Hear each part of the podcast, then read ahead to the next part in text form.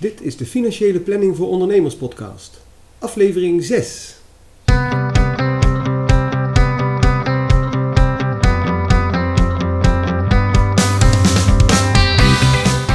Ben je al jarenlang ondernemer? Net gestart? Of heb je plannen om voor jezelf te beginnen? In deze podcast krijg je informatie over alle mogelijke zaken waar je als ondernemer tegenaan loopt. Ik ben Martijn van Hulten, financieel planner en belastingadviseur en zelf al ruim 13 jaar ondernemer.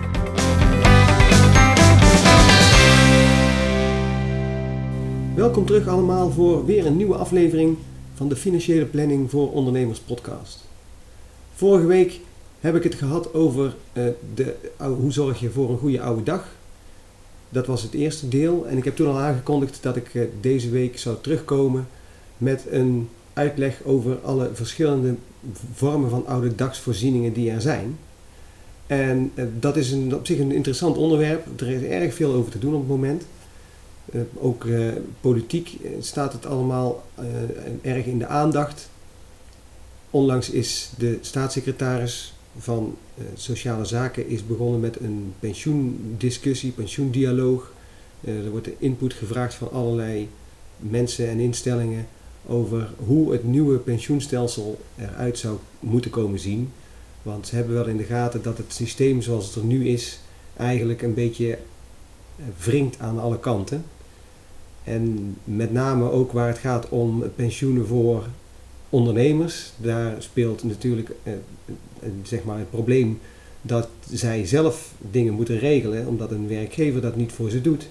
En ja, er komen natuurlijk nu steeds meer ondernemers die de pensioengerechtigde leeftijd bereiken en waar blijkt dat ze eigenlijk onvoldoende hebben geregeld. En uiteindelijk is het dan natuurlijk toch de overheid die daar weer voor zou kunnen moeten opdraaien. En eh, ik kan me dus voorstellen dat ze zeggen: laten we nou eens proberen om een systeem te bedenken wat eh, ook voor die ondernemers eh, interessant kan zijn. Er is een, uh, een wetsvoorstel ingediend, maar hoe dat nou de uh, pensioenregelingen voor ZZP'ers uh, daarin passen is, is nog niet helemaal duidelijk. Dat moet allemaal in de komende periode nog duidelijk gaan worden. Ook fiscaal is er veel te doen over pensioenen. Met name als het gaat om pensioen in eigen beheer. Als je een eigen BV hebt en je, dan kun je daar ook pensioen in opbouwen. Dan mag je elk jaar een aftrekpost opvoeren en uh, moet je in die BV moet je geld sparen om te zijner tijd een pensioen uit te kunnen keren.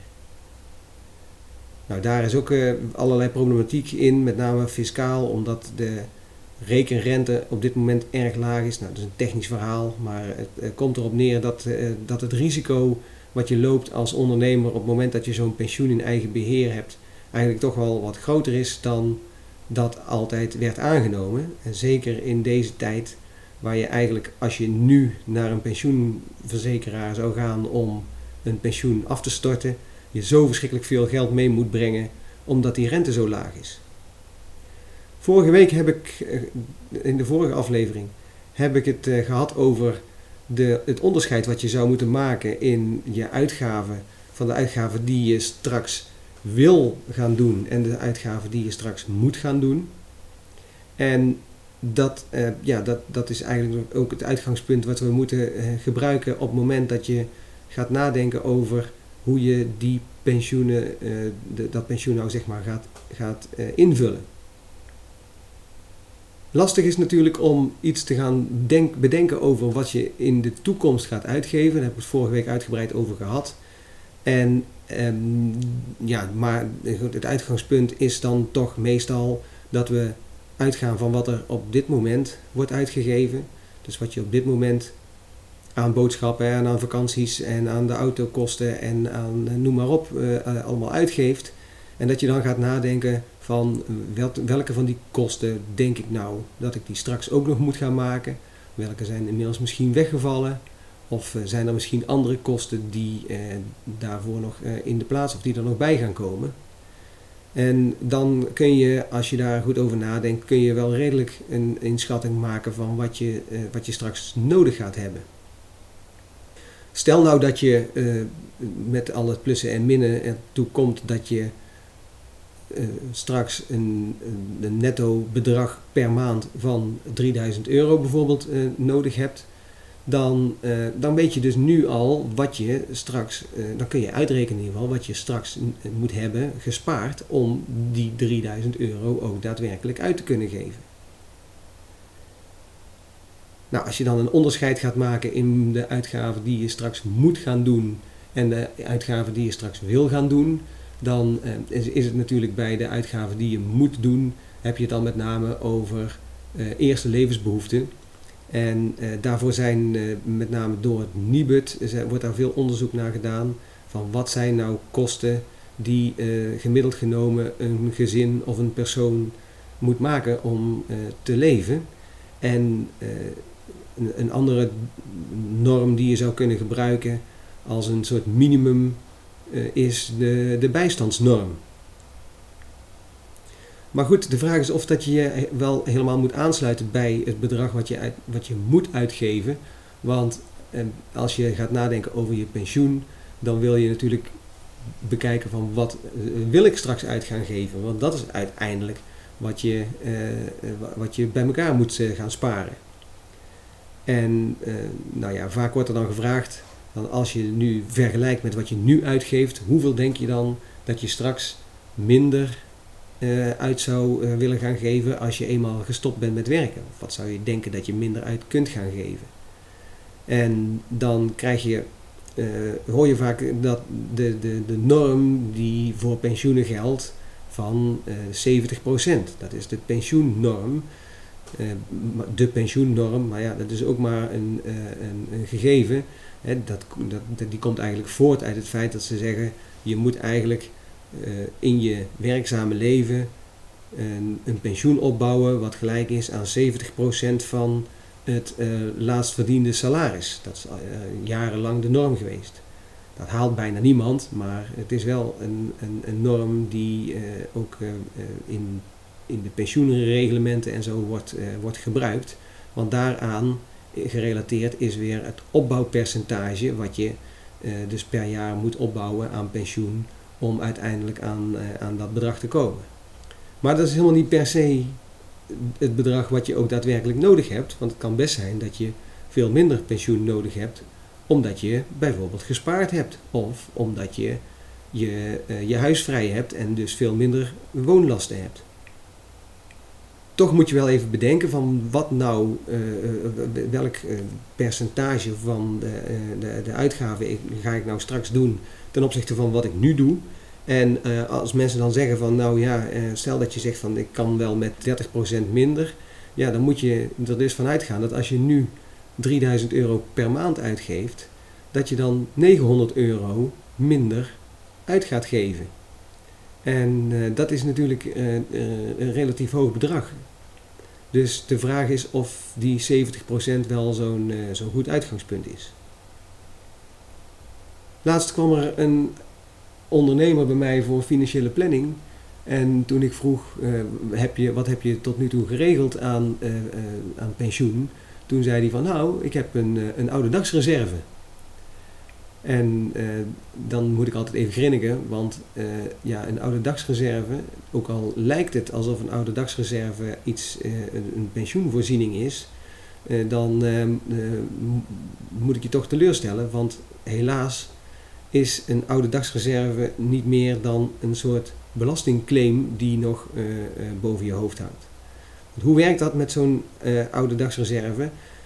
Als je een onderneming hebt, een eenmanszaak hebt of een vennootschap onder firma, moet ik eigenlijk zeggen, dan mag je jaarlijks een percentage van de winst aftrekken. En daardoor betaal je dus in dat jaar wat minder belasting. Maar er staat tegenover dat je daarvoor dus een reserve moet vormen en dat je over dat stukje van de winst in de toekomst ooit belasting moet betalen. En uh, dat in de toekomst belasting betalen, dat is dus ofwel uh, op het moment dat je je onderneming staakt, dan uh, valt die ondernemings, die oude dagsreserve, zo, zo heet dat dan, die valt dan vrij. En dan moet je alsnog de belasting daarover betalen en dan wel het belastingpercentage van dat moment. Nou, dan leidt dat vaak tot uh, problemen, omdat je dan ineens een, uh, over een behoorlijk bedrag uh, tegen een hoog tarief belasting moet betalen. En dus hebben ze gezegd van nou, je mag dan ook dat, dat, die vrijval mag je gebruiken. Hè, daartegenover mag je een, een lijfrente aankopen. En dat betekent dus dat je geld kunt storten bij een verzekeringsmaatschappij of bij een bank op een banklijfrente. En dat die dan daarna uitkeringen gaat doen. En dan worden die uitkeringen belast in box 1. Dus het is eigenlijk een soort van uitstel van belastingheffing. Eh, eigenlijk met de bedoeling dat een ondernemer gedurende de loop van zijn onderneming de, het geld wat hij verdient kan gebruiken om te blijven investeren.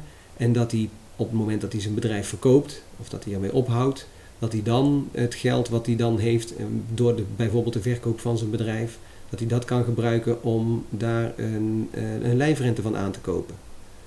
Dus eigenlijk ben je bezig met een oude dagsreserve, ben je eigenlijk bezig met het uitstellen van uh, belastingheffing. En je moet dus bedenken dat een oude dagsreserve op je balans van je eenmanszaak niet betekent dat je pensioen aan het opbouwen bent, maar dat betekent dat je in de toekomst gewoon nog een keer met de fiscus moet afrekenen. Daarom is het dus verstandig als je zo'n oude dagsreserve hebt om te uit te rekenen wat uh, de belasting is die je daar ooit nog over moet gaan betalen. En te zorgen dat je in ieder geval dat bedrag uh, tegen de tijd dat je je onderneming staakt, dat je dat dan ook beschikbaar hebt. Dus op een aparte spaarrekening of op een aparte bankrekening een bedrag uh, afzonderen waarmee je dan te zijner tijd die belasting kunt betalen. Maar als je dat dus doet, dan heb je daarmee geen pensioen. Dan heb je alleen gezorgd dat je de belasting eh, kunt betalen. Als je echt iets voor je pensioen wilt doen, dan zul je geld apart moeten zetten op een spaarrekening. Wat zijn nou wel oude dagsvoorzieningen, echte oude dagsvoorzieningen? Nou, ik noemde daar straks al even de, de lijfrente. Daar ga ik dadelijk wat verder op in. Uh, je zou dus inderdaad pensioen kunnen opbouwen bij een pensioenverzekeraar uh, of in eigen beheer. Nou, daar ga ik daar stra straks ook nog wat over vertellen. Maar je kunt natuurlijk ook zorgen dat je je hypotheek alvast aflost, zodat je straks minder uitgaven hebt. Nou, dus aflossen van je hypotheek is een mogelijkheid om wat aan je oude dag te doen. En tenslotte kun je nog sparen in box 3 of wellicht in box 2. Daar kom ik ook straks nog op. Allereerst dan de lijfrente.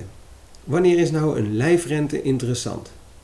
Nou, een lijfrente kan interessant zijn als je nu een relatief hoog belastingpercentage betaalt, terwijl je straks, eh, omdat je nog maar relatief weinig voor je pensioen geregeld hebt, dat je straks dus in box 1 relatief weinig belasting betaalt. Nou, dan kun je van dat eh, verschil tussen die tarieven kun je gebruik maken door nu een aftrekpost te creëren. Dan betaal je dus nu over dat bedrag minder belasting. Dat geld wordt in zo'n lijfrente gestort. En straks komt die uitkering en die uitkering die wordt dan belast tegen een lager percentage. En dat lagere percentage kan zijn omdat je totale inkomen lager is. Maar het kan ook zijn omdat je als je eenmaal uh, eh, AOW krijgt in de eerste schijven gewoon minder belasting hoeft te betalen. En premieheffing met name, want dat is uh, wat uh, in de laagste schijven eigenlijk uh, het grootste gedeelte uitmaakt. En als je eenmaal AOW krijgt, dan hoef je een aantal van die premies niet meer te betalen. Nou, hoe moet je nou berekenen of hoe, hoe weet je nou wat je kunt storten als lijfrentepremie? Daarvoor zijn rekenhulpen, ook de Belastingdienst op www.belastingdienst.nl. Als je lijfrentepremie in uh, toetst bij, de, als zoekterm, dan krijg je de, de rekenhulp lijfrentepremie. En daar kun je in principe, als je weet wat, welke bedragen je nodig hebt, kun je daar zelf uitrekenen wat je jaarruimte is, wat de jaarruimte is die je hebt om af te storten. En die jaarruimte houdt dan eigenlijk in dat dat het bedrag is wat je voor dat betreffende jaar als lijfrentepremie uh, ja, mag afstorten en dat dat aftrekbaar is. De premie is dan aftrekbaar, maar uiteraard is straks de uitkering belast. Dat is het, uh, het systeem van de lijfrente. Een lijfrente kan ook uh, interessant zijn als je uh, relatief weinig hebt opgebouwd aan oude dagsvoorzieningen en eigenlijk nog onvoldoende om de bedragen die je eigenlijk echt wel moet hebben om van te leven. Als je dat nog niet bij elkaar hebt gespaard of als dat niet is, is verzekerd, dan kan een lijfrente interessant zijn. zeker als je verwacht dat je relatief oud gaat worden. Want als je geld op een spaarrekening zet en je gaat na je pensioen ga je langzaam op die spaarrekening interen, ja, dan kan het best zijn dat je tot je 85ste of 87ste of 90ste, dat je dat wel, dat er nog uh, voldoende spaargeld is. Maar uh, het nadeel van een spaarpot is dat die op een gegeven moment op is of op kan raken. En het voordeel van een lijfrenteverzekering, maar dat is dan ook echt een verzekering bij een, bij een verzekeringsmaatschappij. Het voordeel van zo'n verzekering is dat uh, die altijd uit blijft keren als je een levenslange uitkering uh, bij ze bedingt. En uh, dat die altijd blijft uitkeren hoe oud je ook wordt. Al word je 120, die, die lijfrenteverzekering blijft doorbetalen. Is dat lang leven risico nou niet zo'n probleem, omdat je echt veel spaargeld hebt of omdat je nog pensioen hebt uit een eerdere dienstbetrekking, dan uh, heb je niet echt een verzekeraar nodig, want dan maakt het niet uit als uh, de pot op een gegeven moment leeg is. Maar uh, dan kun je ook naar de zogenaamde banklijfrente kijken. Hoe werkt dan zo'n banklijfrente? Bij een banklijfrente heb je bij een bank zo de naam zegt het al, een geblokkeerde rekening waar je de premies op stort. En die premies die gaan dan in de, zo, zoals dat heet, in de opbouwfase gaan die op een, uh, op een, worden die op een rekening gestort. En uh, daar wordt jaarlijks wordt daar rente bij geschreven. Totdat je aan de einddatum een, een, een bedrag bij elkaar gespaard hebt. En dan wordt dat bedrag overgeheveld naar een uitkeringsrekening. En van die uitkeringsrekening, daar worden dan maandelijks of per kwartaal, per half jaar of per jaar, wat je wil, worden daar bedragen van overgeboekt naar je privérekening. Maar de bank houdt dan wel uh, loonbelasting in op die uitkeringen. Dus dat betekent dat je een netto uitkering krijgt uit die banklijfrente en dat, de, uh, dat, je, dat, uh, moet, dat je die lijfrente dus moet opgeven, die uitkering, in je aangifte inkomstenbelasting. En dan kun je de, de belasting die is ingehouden, die kun je dan verrekenen. Op het moment dat je naar zo'n banklijfrente gaat of naar een verzekeringsmaatschappij, dan is je geld geblokkeerd. Je geld is weg, eh, je, dat staat vast en je kunt daar tussentijds niet aankomen. Nou, dat uh, kan een nadeel zijn, maar dat kan ook een voordeel zijn. Het is natuurlijk een nadeel als je het geld eigenlijk ergens anders voor zou willen besteden. En want als je je geld plotseling nodig hebt om een andere reden, bijvoorbeeld omdat je arbeidsongeschikt raakt en je denkt van nou, nou, nou zou ik dat geld eigenlijk goed kunnen gebruiken, nou ja, dan kun je daar op dit moment niet aankomen. Nou, dat is een probleem wat al is gesignaleerd en uh, is, inmiddels is aangekondigd dat ze de wet daarvoor gaan aanpassen. En dat je in de toekomst ook voor arbeidsongeschiktheid een, uh, lijfrente uh, al eerder kunt laten uitkeren. Maar het kan ook een voordeel zijn zo'n geblokkeerde rekening. Want als je nou heel slecht bent in, in weinig, met weinig discipline uh, om geld te sparen en om het, om het, op de bankrekening te laten staan, dan uh, kan het wel eens prettig zijn dat het op een rekening staat waar je niet aan kunt. En met name die spaardiscipline, dat is wel een, een reden om al dan niet je geld op een geblokkeerde rekening te zetten. En zo'n lijfrente is dat automatisch. Hoe werkt dat dan met pensioen in eigen beheer? Nou, bij pensioen in eigen beheer heb je een, eh, dat is als je een BV hebt, waarbij je als directeur groot aandeelhouder in loondienst bent, dan kun je over je salaris wat je krijgt van die BV kun je pensioen opbouwen. Nou, er zijn rekenregels voor en uh, die uh, berekeningen die zul je misschien ook wel via internet ergens kunnen maken, maar ik zou adviseren om dat door je accountant te laten regelen. Want die berekeningen zijn nogal ingewikkeld. Wat er dan gebeurt is dat er jaarlijks wordt berekend hoeveel pensioen je mag reserveren. En dat komt dan dus op een pensioenreserve te staan. Eigenlijk werkt dat een beetje hetzelfde als zo'n oude dagsreserve. Het is een bedrag waar je nu geen belasting over hoeft te betalen, maar waar de belastingheffing in de toekomst uh, voor komt. En het is pas een echte ouderdagsvoorziening, volgens mij, als je zorgt dat er ook voldoende middelen in de BV zijn, dat er voldoende geld apart wordt gezet om te zijn tijd dat pensioen ook uit te kunnen keren. En daar gaat het natuurlijk vaak fout, want het, het komt tegenwoordig steeds vaker voor dat uh, bedrijven, BV's, uh, pensioen op, opgebouwd hebben en dat ze altijd gezegd hebben of gedacht hebben van nou tegen de tijd dat ik mijn bedrijf ga verkopen, dan komt er zoveel geld vrij en dat komt dan in die BV en dan kan ik van dat geld kan ik dan mijn pensioen betalen. Maar als je dan je bedrijf niet eh, kunt verkopen omdat er niemand is die het wil hebben, of als je veel minder krijgt voor je bedrijf dan wat je misschien ooit had gedacht, dan eh, kan het wel eens zijn dat je gewoon te weinig geld hebt om dat pensioen ook daadwerkelijk uit te keren. En in die situaties ontstaan er wel problemen, want dan uh, zal de Belastingdienst vragen om toch elke maand de loonbelasting te betalen over die pensioenuitkering die je eigenlijk niet kunt doen. Nou, dat zijn situaties die eigenlijk op dit moment steeds vaker voorkomen en waar ze ook bij het ministerie van Financiën nog wel eh, mee worstelen. En het idee is dus dat die, dat pensioen in eigen beheer dat dat uh, zijn langste tijd wel gehad heeft. En dat er op niet al te lange termijn een regeling zal komen, of dat er in ieder geval een aanpassing zal komen in eh, de regelgeving op het gebied van dat pensioen in eigen beheer. Maar hoe dat dan precies moet worden, ja, dat is allemaal nog een beetje onduidelijk. En waarschijnlijk worstelen ze daar natuurlijk bij, de, uh, bij het ministerie van Financiën ook wel mee. Want uh, ze kunnen niet zomaar zeggen van nou, laat, laat dat pensioen maar zitten en reken maar af. Want ja, een, het is een pensioen en dat betekent dus dat de, de, de werknemer recht heeft op die uitkering. En dan kun je niet zomaar eenzijdig vanuit de werkgever zeggen, nou we gaan dat maar eens niet doen. In situaties waarbij de directeur, groot aandeelhouder, ook 100% aandeelhouder is, ja, dan uh, is dat natuurlijk een beetje makkelijker, want dan kan die directeur best zeggen van, uh, nou weet je wat, laat maar zitten die uitkering.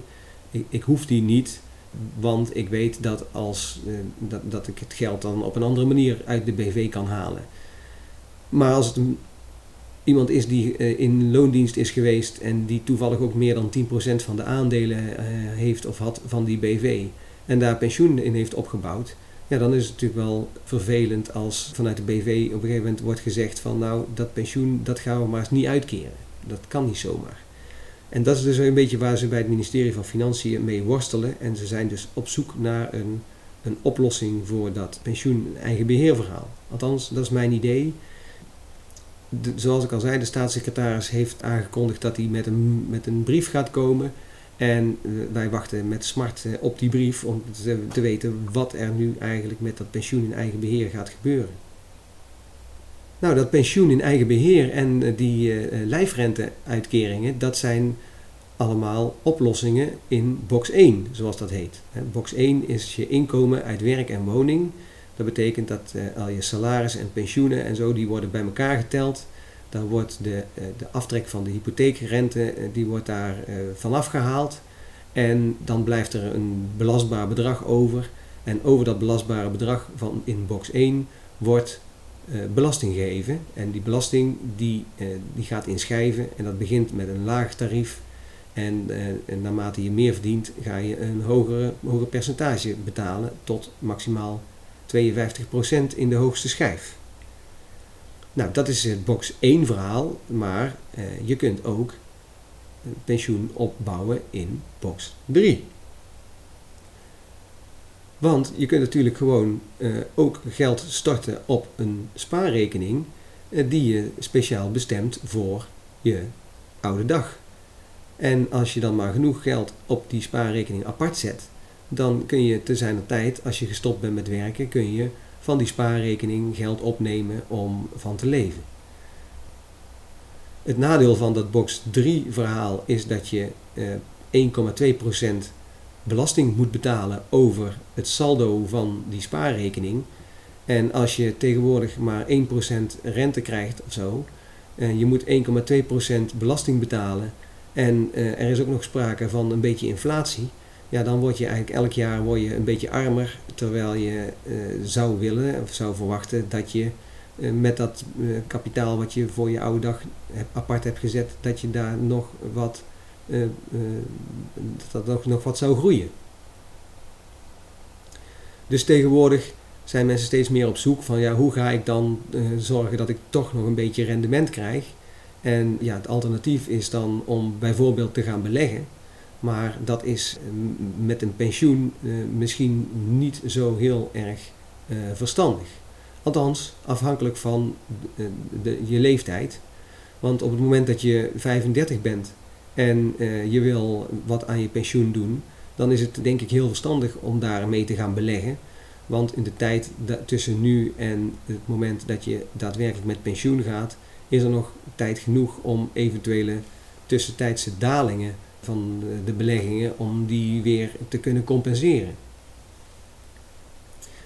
Naarmate je dichter bij je pensioen komt, zul je het risico steeds meer moeten afbouwen. Want wat je niet wil hebben natuurlijk, is dat je een pensioenpotje hebt opgebouwd van uh, zeg 2 ton. En dat op de, in de maand voordat je gaat stoppen met werken, dat, uh, pensioen, of dat de, de beurs ineens 30% daalt.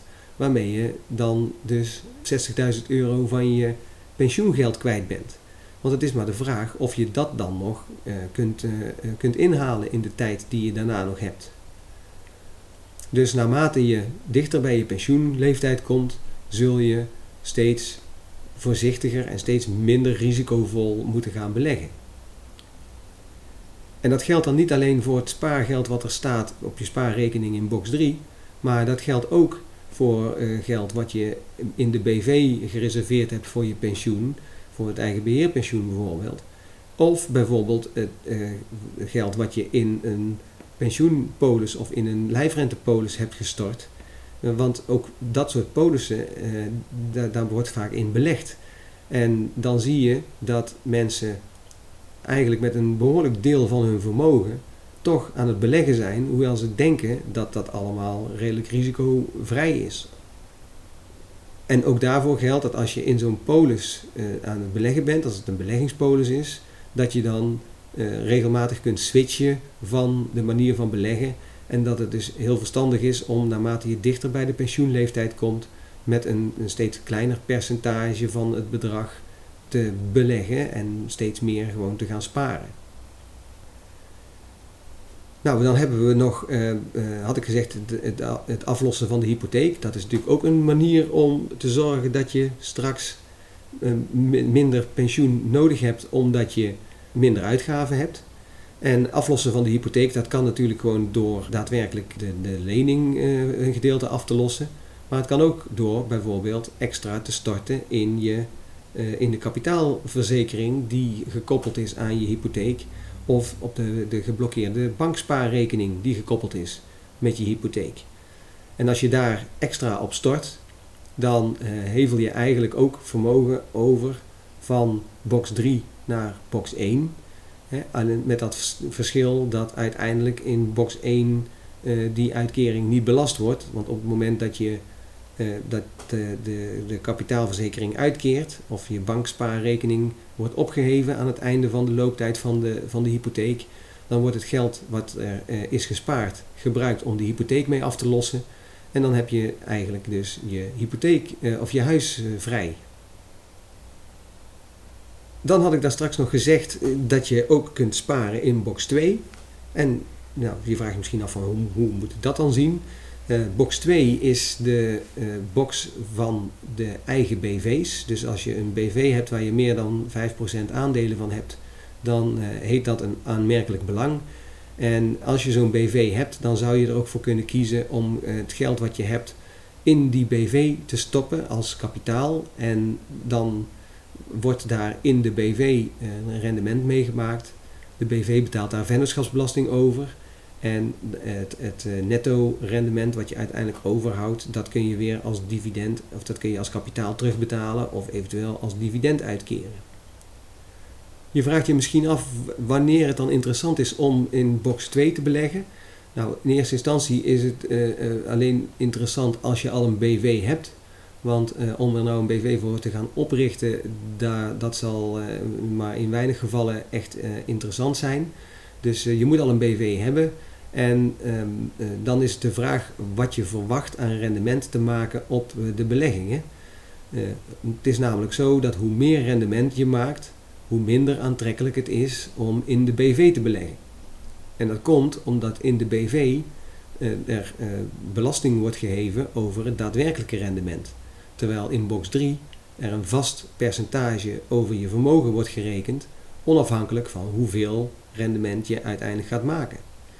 Dus stel dat je uh, 100.000 euro op, de bankre op een bankrekening hebt staan, uh, dan betaal je in box 3 betaal je daar 1,2%, dus 1200 euro inkomstenbelasting over ongeacht hoeveel rendement je maakt. Maak je 5% rendement, dan heb je 5000 euro opbrengst en daar gaat 1200 euro van af. Maak je 10% rendement, dan blijft het nog steeds 1200 euro belasting. Terwijl in de BV, als je daar 100.000 euro uh, hebt waar je 5% rendement over op maakt, dan wordt die 5000 euro die wordt belast met vennootschapsbelasting. En hoe hoger het rendement wordt, hoe meer belasting je dus betaalt. Nou, daar zit een omslagpunt, dat ligt ergens rond 4%. Dus als je verwacht dat je meer dan uh, 4% uh, rendement gaat maken, dan uh, is het eigenlijk interessanter om dat in, uh, in privé in box 3 te doen. En verwacht je dat je minder dan 4% rendement gaat maken, omdat je niet van plan bent om te gaan beleggen en op spaarrekeningen krijg je nou eenmaal op dit moment niet zo heel veel rente, dan, dan kan het interessant zijn om juist in de BV te gaan sparen. Een bijkomend, uh, bijkomende reden die op dit moment vaak gebruikt wordt om te gaan sparen in box 2 is om te voorkomen dat je een, tegen de hoge eigen bijdrage voor de AWB, AWBZ aanloopt. Zoals je wellicht weet, heeft, is in de AWBZ is, moet je een eigen bijdrage betalen. Dus als je naar een verzorgingstehuis gaat, dan moet je een eigen bijdrage betalen. En die eigen bijdrage die is afhankelijk van je inkomen, maar met name ook van je vermogen. En sinds een paar jaar wordt er een, een behoorlijk percentage van je vermogen meegeteld voor het bepalen van je, van je eigen bijdrage. En op het moment dat je het geld in de BV stort, dan telt dat niet meer mee. Want het box 2 wordt niet meegenomen in de berekening van die AWBZ-bijdrage. Althans, niet op dit moment. En de vraag is dus ja, of dat dan in de toekomst nog zal uh, veranderen. Maar uh, in ieder geval is het zo dat op dit moment er regelmatig uh, mensen zijn die zeggen van nou ik stop mijn geld wel in de BV, want dan loop ik in ieder geval niet het risico dat ik tegen die hoge uh, bijdrage aanloop. Goed, resumerend, er zijn dus enorm veel mogelijkheden om iets aan je oude dag te doen. En ja, dat, dat kan dus in, in allerlei verschillende vormen. De vraag is eigenlijk niet hoe je dat nou gaat doen, maar de, met name de vraag of je er daadwerkelijk iets aan gaat doen. Want ik zou toch willen erop aan willen dringen dat je iets doet aan je oude dag, ook al is het maar heel erg klein. En ik uh, kan me voorstellen dat het op dit moment, uh, zeker nog uh, nu de crisis nog niet helemaal is uitgeboet, dat het niet altijd makkelijk is om überhaupt rond te komen als ondernemer. Dat, het is bekend dat met name ZZP'ers voor een, voor een belangrijk deel eigenlijk een laag inkomen hebben, misschien zelfs wel onder de armoedegrens. En dat ze toch daarmee doorgaan. Ook al heb je weinig financiële ruimte, begin om iets apart te zetten voor je pensioen. Al is het maar 50 euro in de maand of 100 euro in de maand.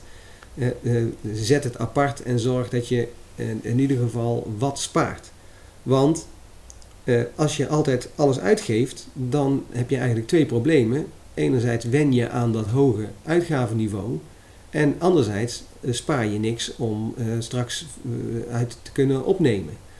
En als je er dus voor kiest om wel te gaan besparen of geld apart te zetten voor je oude dag, dan kan het eigenlijk ja, dan kan het ook hard gaan. Want aan de ene kant pas je je uitgavenniveau, hè, je, je leefstijl aan aan een lager niveau. En anderzijds spaar je ook nog om straks daar aanvullingen uit te kunnen doen. Dus de, de, de belangrijkste tip is eigenlijk op dit moment proberen discipline op te brengen om je uitgaven in de hand te houden. En als je ziet dat je onderneming eindelijk weer eens wat uh, gaat stijgen, dat de, dat de omzetten wat gaan stijgen en dat, de, uh, dat, dat er misschien wat meer winst uit gaat komen, gebruik die winst dan, die extra winst, in eerste instantie om apart te zetten voor je pensioen. En ga niet meteen je uitgavenniveau aanpassen aan, dat, uh, aan die hogere inkomsten. Die neiging is er natuurlijk, dat snap ik ook wel. Maar eh, ja, het is verstandig om te proberen zo lang mogelijk op dat lagere uitgavenniveau te blijven eh, zitten en eventueel wat eh, extra te sparen.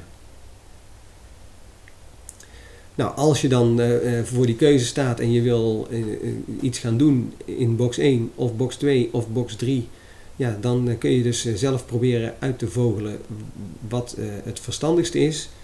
Als je daar niet uitkomt, dan willen wij je natuurlijk heel graag helpen. En dat kunnen wij door een financiële planning te maken, waarin je precies kunt zien wat je op dit moment hebt, wat je hebt opgebouwd, wat je straks hebt als alles blijft zoals het nu is.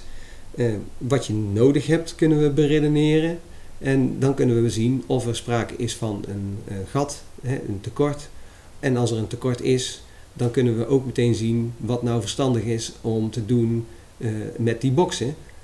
heb je weinig inkomen straks in box 1, dan heb je misschien het risico dat als je, als je dan toch nog een hypotheek hebt, dat die hypotheekrente niet aftrekbaar is omdat er geen inkomen tegenover staat of maar weinig inkomen tegenover staat. Nou, dat kan een reden zijn om te zeggen, dan gaan we toch maar wat extra aan, aan lijfrentepremies storten bijvoorbeeld, om te zorgen dat er straks ook nog voldoende inkomen is om die hypotheek af te kunnen trekken. Ehm, maar als dat niet zo is, dan uh, kan het misschien beter zijn om het in uh, bocht 3 te doen, afhankelijk van hoe het met uh, de, de, de hoogte van je inkomen is. Nou, dat kunnen we allemaal voor je uitzoeken. Mocht je daar interesse in hebben, bel ons gerust voor een afspraak 073 503 0405. En uh, dan krijg je uh, van Vught en van Hulte belastingadviseurs en wij helpen je heel graag bij het maken van zo'n financiële planning. De tip van de week gaat, gaat over de aangifte inkomstenbelasting. Zoals je weet moeten, moeten we jaarlijks aangifte inkomstenbelasting doen. Dat was altijd voor 1 april.